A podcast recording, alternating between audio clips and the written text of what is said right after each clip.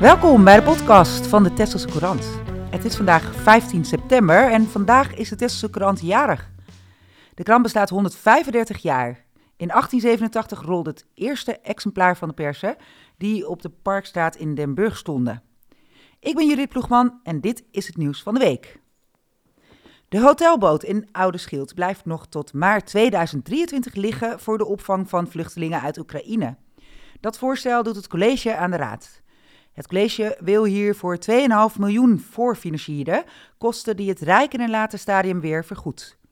Er verblijven nu zo'n 120 mensen op de boot. Het vernieuwen van de veerinstallaties op het Hoorntje en Den Helder wordt worden uitgesteld. Rijkswaterstaat zou in 2023 starten met de werkzaamheden, maar door een tekort aan technici is dat uitgesteld tot 2025. De vernieuwingen maken deel uit van een groot renovatieproject. Rijkswaterstaat heeft bij het herplannen voorrang gegeven aan de installaties, want ze zijn in slechte staat en Tessel moet bereikbaar blijven.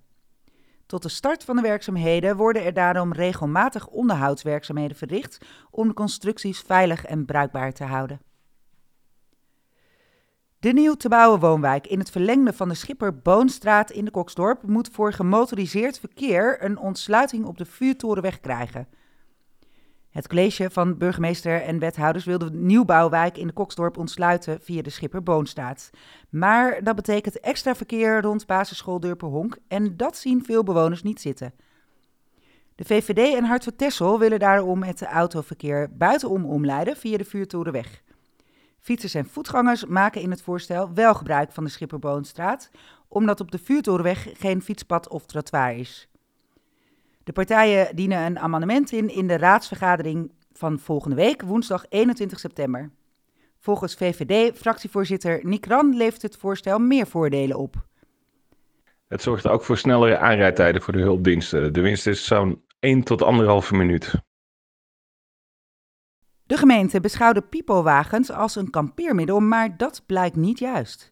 Volgens het bestemmingsplan buitengebied in uit 2013 moeten de wagens worden gezien als staakcaravans. Een aantal eigenaren heeft daarom een brief gekregen met het verzoek om ze weg te halen. Dat is onder andere het geval bij leden van Kamperen bij de Boer. Op hun terreinen zijn kampeermiddelen die uit elkaar gehaald kunnen worden en weggehaald toegestaan en staakcaravans vallen daar niet onder. Maar laat het college weten, voorlopig wordt er nog niet handhavend opgetreden. Er wordt gewacht op het toeristisch toekomstplan. In dat bestemmingsplan worden de regels aangepast en aangescherpt en komt ook deze kwestie aan bod. Leerlingen van Oostgede Hoge Berg in Den Burg starten dit schooljaar weer met maatschappelijke stages. Door corona konden er afgelopen jaren maar mondjesmaat stage gelopen worden, maar nu wordt de draad weer opgepakt. Derde klassers gaan tussen oktober en juni acht uur stage lopen. Het is de bedoeling dat leerlingen ontdekken hoe zij een bijdrage kunnen leveren aan de samenleving. Ze gaan bijvoorbeeld voorlezen op een kinderdagverblijf, spelletjes spelen met ouderen of helpen bij een sportvereniging. Tweede klassers doen om dezelfde reden maatschappelijke betrokkenheid, om dezelfde reden maatschappelijke betrokkenheid mee aan de jaarlijks terugkerende dag Day for Change, zij richten eigen bedrijfjes op om geld op te halen voor goede doelen. Ook brugklasleerlingen werken mee aan een betere wereld. Zij maken tassen van gedoneerde stoffen om het gebruik van plastic te verminderen.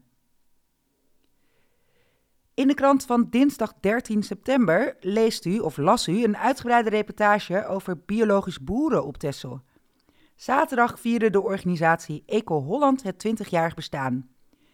De Tesselse boeren Ineke Hin en Marco Vlaming zijn twee van de 270 leden. Het tweede lustrum werd afgelopen zaterdag gevierd in de STOK. Daar klonk de roep om meer biologische boeren. Melkveehouders Ineke Hin en Marcel Drent stapten 8,5 jaar geleden over op biologische productie. Zij liepen aan tegen een gebrekkig transport van de melk naar de fabriek. Dus bracht Marcel de melk zelf naar Den Helder. Toen ook melkveehouder Marco Vlaming de overstap maakte, kon Eco Holland de melk op laten halen door een tankauto. Maar deze tankauto is nog niet vol. Dus wil Eco Holland meer Tesselse melkveehouders aanmoedigen om over te stappen op biologisch produceren. Aan afzetmarkt geen gebrek, zegt de organisatie. De verkoop van biologische producten is enorm gestegen in de afgelopen weken. Dat komt doordat de prijs van biologische melk nagenoeg gelijk geworden is aan melk van reguliere boeren. Ineke Hin is nog steeds erg blij met de overstap. We staan nu zelf in contact met onze afnemers en we hebben in de leden van Eco Holland een stel fantastische collega's, zegt ze erover. Parels in het landschap, zo werden de panden genoemd. Het gaat om de voormalige winkel en vroegere bewaarschool voor kleuters op Waaldestraat 3 in Den Burg van Astrid en Pieter van de Vis en om de nieuw gebouwde stolp van Jan Roeper op Zuid-Havel. Stichting Dorpse Stijl ging op Open Monumentendag afgelopen zaterdag langs bij de eigenaren om ze een Tessels compliment te geven voor de manier waarop de panden zijn vernieuwbouwd. De ontwerpen werden gekozen door bouwkundige Koos Witte, de prijzen uitgereikt door de bestuursleden van Stichting Dorpse Stijl, Elko Vermeulen, Jan Duin en Fedor van Elk. En dan is er nog sportnieuws. De Tesselse halve marathon van zondag 25 september heeft weer een kidsrun. De kinderen lopen twee rondjes door het centrum van Den Burg. De afstand is ongeveer 1250 meter. Opgeven kan via de website van Sticht Sportstichting Tessel. De KNVB organiseert bij voldoende belangstelling een scheidsrechtersopleiding op Tessel. De opleiding moet voorkomen dat er een tekort ontstaat en wedstrijden moeten worden afgelast. De opleiding bestaat uit vier bijeenkomsten van drie uur en stages op het veld. Wie geïnteresseerd is, kan contact opnemen met René Guldemond van Tessel 94. Zijn gegevens zijn te vinden via de website van de voetbalvereniging. De eredivisie zaalvoetballers van Tessel Futsal verloren afgelopen vrijdag met 6-0 in Hoorn van de Hovo Cubo, een club die al meerdere malen landskampioen werd. Tessel staat nu op de twaalfde plaats in de ranglijst van de eredivisie. Zij spelen op zaterdag 24 september weer om half zeven thuis in de Tessel Sporthal. Dat was het voor deze week. Volgende week hoort u mijn collega Michelle op deze plek. De Tesselse Courant verschijnt al 135 jaar en staat steeds boordevol nieuws, reportages en achtergronden. Neem ook een abonnement op de lokale krant van Tessel. Kijk op www.tesselsecourant.nl voor de mogelijkheden. Bellen kan natuurlijk ook tijdens kantooruren op nummer 0222 362 600.